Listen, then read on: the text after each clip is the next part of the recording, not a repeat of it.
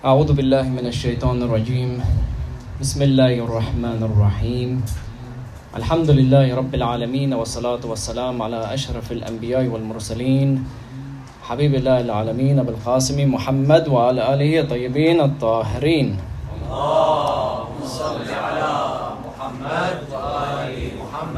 För vår väntade imam snarare mycket nära återkomst vänlig att skicka en salawat.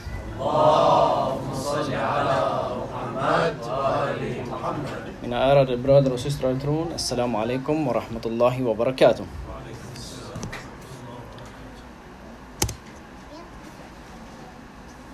Bismillahir Rahmanir Rahim. Vem är den bäste? Den som uppför sin byggnad på en grund av taqwa och strävan att vinna Guds välbehag? Eller den som bygger sitt hus på lös grund, vid randen av ett stup, så att det störtar samman och drar honom med sig ner i helvetets eld? Gud vägleder inte de orättfärdiga. Sadaqallah. Vad säger denna versen oss? Vad är denna grund som ger stabilitet? Vad innebär taqwa? Varför är det viktigt? Vad innebär liknelsen med att bygga ett hus på lös grund? Vad är det Koranen syftar på? Vad är det som är så allvarligt att den kan dra ner oss i helvetets djupaste avgrund?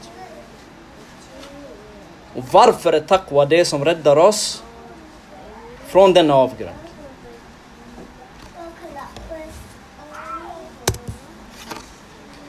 Gud säger i den heliga Koranen Troende, ha taqwa.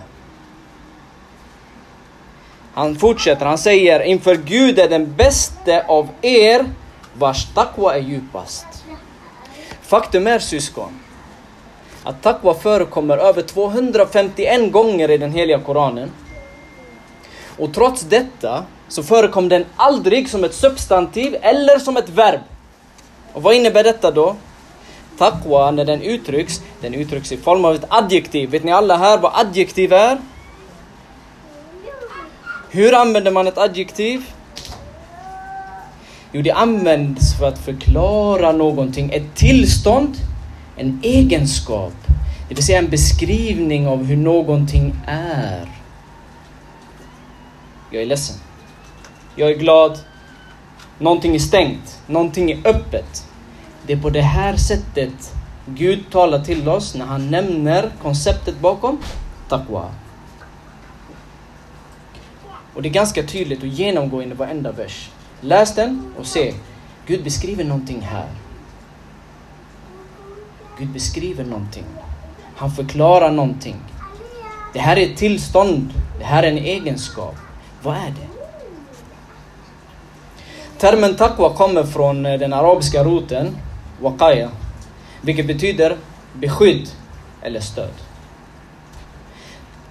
Med detta, vad många också översätter taqwa som, så kanske ni har hört begreppet gudsfruktan eller fruktan överhuvudtaget. Faktum är att taqwa inte är ämnat att innebära fruktan. Det är inte ämnat att, und att innebära undvikande. Men då fruktan behövs, tänk här syskon, vi behöver fruktan. Varför? För att skydda oss själva från någonting och undvika det. Någonting som är skadligt och undvika det. Och därför kan den här termen i vissa fall ändå relateras till Guds fruktan. Bilden som ni ser på skärmen med fågeln, den illustrerar väldigt tydligt konceptet bakom fruktan. Men vad är det egentligen? Är det den formen av fruktan vi är ute efter när vi pratar om taqwa?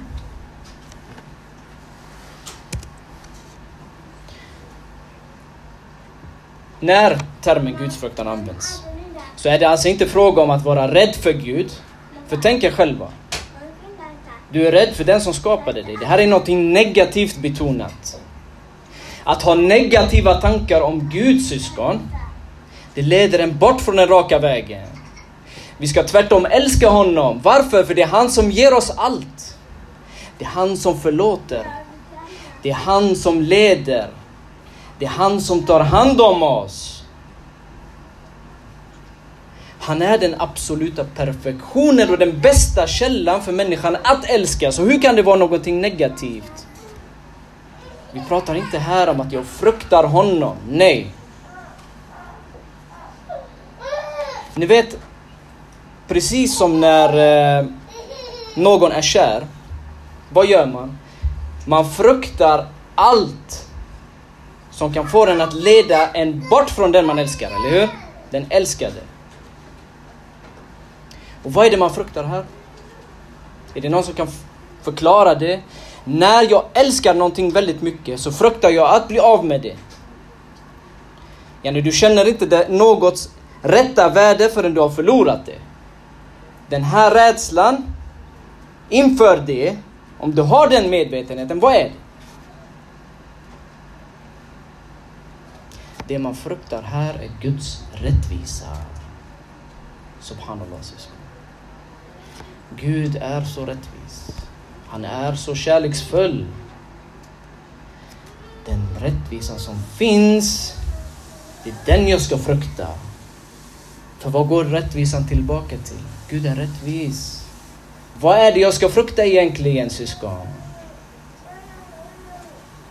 Han behandlar ju ingenting orättvist, eller hur? Så vad är det som händer?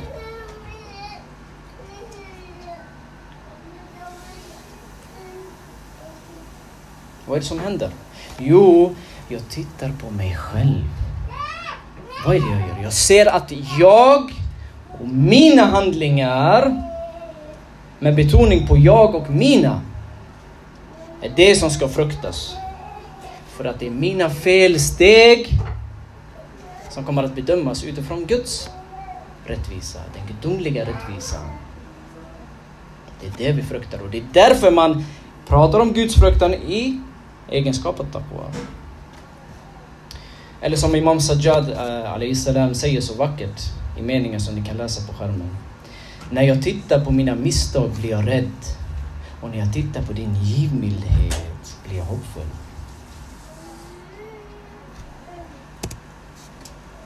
Så vad innebär taqwa då? I förhållande till denna fruktan över sig själv och sina egna handlingar så innebär taqwa att avhålla sig från någonting. Det innebär att undvika någonting. Och att skydda sig själv från någonting, eller egentligen allt som är fult och skadligt.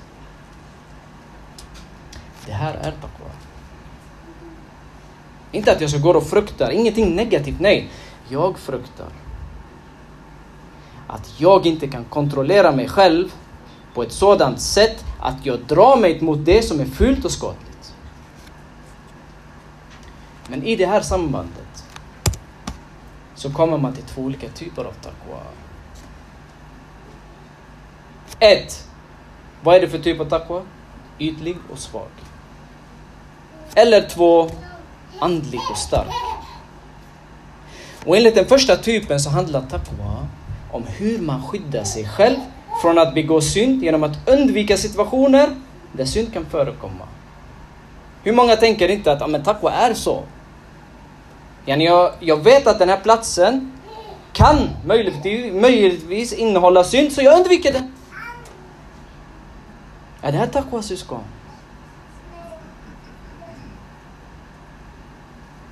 Den här typen, man kan, lik, man kan likna det här med en person som undviker en eh, förorenad plats som Tjernobyl till exempel, för att han eh, vill skydda sin hälsa.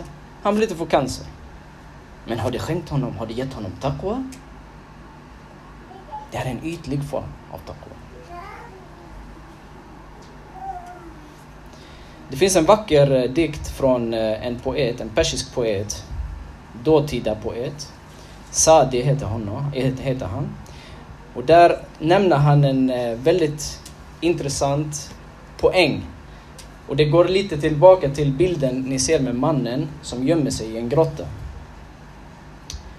Han säger någonting i liknelse med detta. på en dålig översatt svenska. I ett bergsområde skådar jag en ärofylld man som till en grotta belåtet dragit sig tillbaka från världens famn. Varför, sade jag, kommer du inte till folkets land för att någon gång lätta på ditt hjärtas band? Han svarade, fagra anleten av sköna jungfrur är dess anförvanter. När lera förekommer i överflöd snubblar till och med elefanter. Subhanallah, vackert den är den här dikten. Den förklarar väldigt mycket, den här ytliga formen av taqwa. Och den här rädslan som folk som vandrar på den rätta vägen och försöker bli troende oftast eh, hamnar i och tänker. Så vad säger mannen egentligen i dikten? Han pratar om mannen som avlägsnar sig från berget för att undvika staden där det finns vackra kvinnor som väntar. Och vilket eventuellt skulle kunna leda honom till att vackla. Och det här är den första formen av taqwa som vi pratar om. Men det här är inte riktigt taqwa. Det är inte det vi är ute efter. Den andra formen är det vi är ute efter. Och vad är den andra formen av taqwa? Vad ser ni på bilden? Den andra bilden.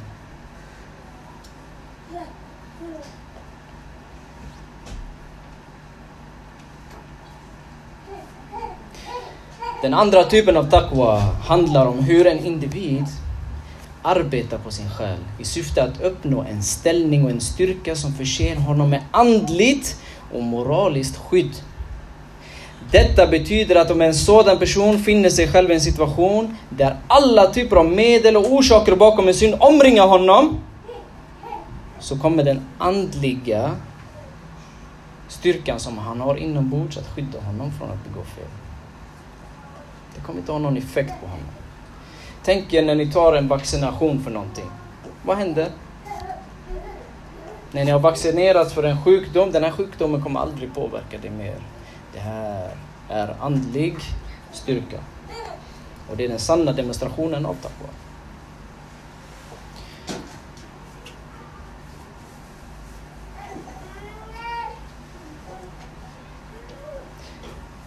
Det här exemplet som visas på bilden, det är ju om eh, Josef salam. En av våra stora profeter. En person som genom sina val i livet slutade upp som en kung och en imam för alla de troende. Han demonstrerade i det här fallet som ni ser på bilden den högsta formen av taqwa. En typ av andlig styrka som man inte kan uppnå hur som helst. Den berättelsen kommer vi inshallah gå in på eh, vid ett annat tillfälle. För det finns väldigt mycket bakom just detta och just den formen av taqwa. Men jag vill nämna någonting annat innan vi går härifrån idag. Och det handlar lite grann om tillståndet i hjärtat hos någon som inte har taqwa. För det här är viktigt syskon. Om jag är en person som önskar gå på den raka vägen, jag önskar komma närmare Gud, då måste jag ha förståelse för mitt hjärtas tillstånd. En person som inte har taqwa, han är svag i själen. Hans själ är förvirrad syskon. Det pratas om muttaqin, som är en högre nivå än mu'minin. Känner ni till detta? Det pratas om Imam Ali alayhi salam. Så många gånger Imam Ali har pratat om taqwa i sina khutbas under hans fyra år vid makten. Ni som läser Najib ni kan se taqwa är ett genomgående tema. Vi läser i dua Imam al-Muttaqin. Vad är det som är så speciellt med de här personerna? Att han är imam för dem. Det är de speciella, det är de utvalda. Det är de här med taqwa. Om de är de utvalda, när vi tittar på Imam Ali och historien med honom, hur många syskon var på hans sida? Hur många stod vid honom? När de bröt upp dörren till Ahlul Beits hem för att släpa honom som en fånge till palatset för att göra beja. Vad, vad hände? Vad var alla sahabier? Hade de taqwa? Var de bland muttaqin? Nej syskon.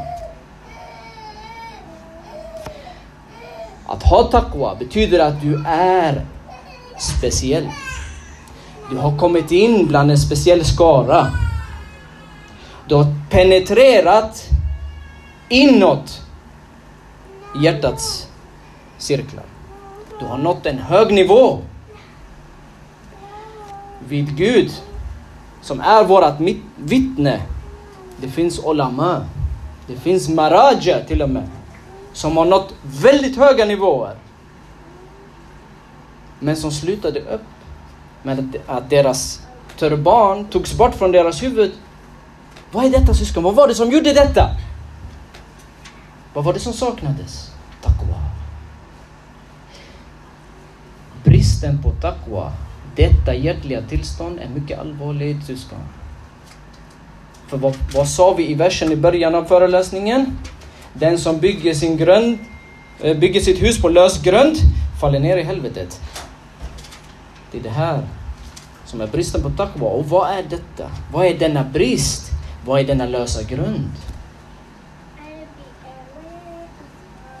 En person utan taqwa är en person som är vilsen, förvirrad, springer hit och dit, inte vet vad de vill, inte vet vad de ska göra.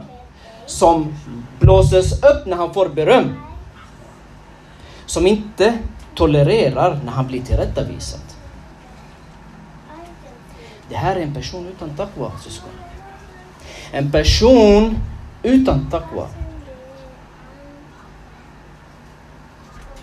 En person som inte kan kontrollera sina känslor. En person som styrs av känslor, det är en person utan taqwa. När känslorna och begären tar över, det är då du inte kan tänka klart längre. När du inte kan tänka klart längre, vad är det som händer med dig? Vad är det som händer inombords i hjärtat?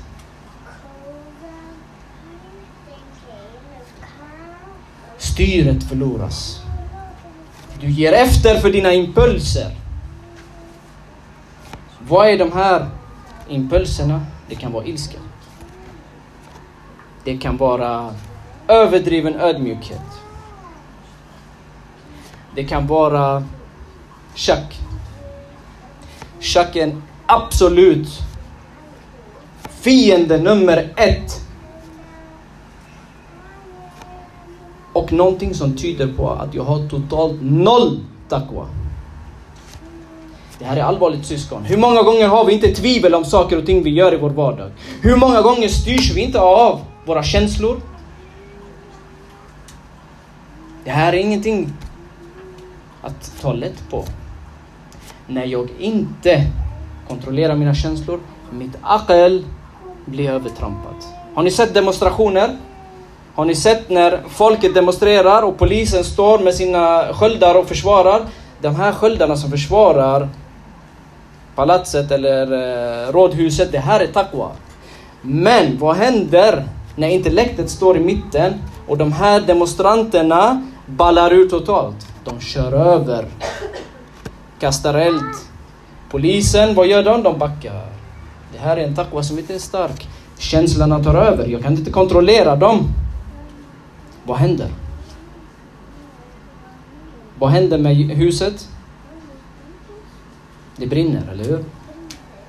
Vad händer när palatset stormas? Det blir kaos. Det är det som händer i våra hjärtan när våra känslor tar över. Och när vårt akal inte får utrymme. Och det är det som Gud liknar till i början av versen om taqwa. Så med detta sagt så vill jag lämna er alla med en fråga att ta med er härifrån idag. Jag vill att ni ska fundera över den tills nästa gång vi har fortsättningen om den här föreläsningen. Ni vet att Imam Ali Ali salam lade stor vikt vid, vid taqwa. Och som jag nämnde, i sina råd och genom sina maningar till folket så pratade han hela tiden och ständigt betonade det här att ha taqwa, ha taqwa, ha taqwa. Till den grad att man idag när man läser dua nämner honom i samband med eh, titeln Imam al-Muttaqin. Så, det jag vill att ni ska ta med er härifrån, den frågan jag vill att ni ska gå och fundera över i er ensamhet. Vad är det sanna värdet av taqwa? Och vad är effekten när jag har التقوى حكي عن صلوات اللهم صل على محمد وآل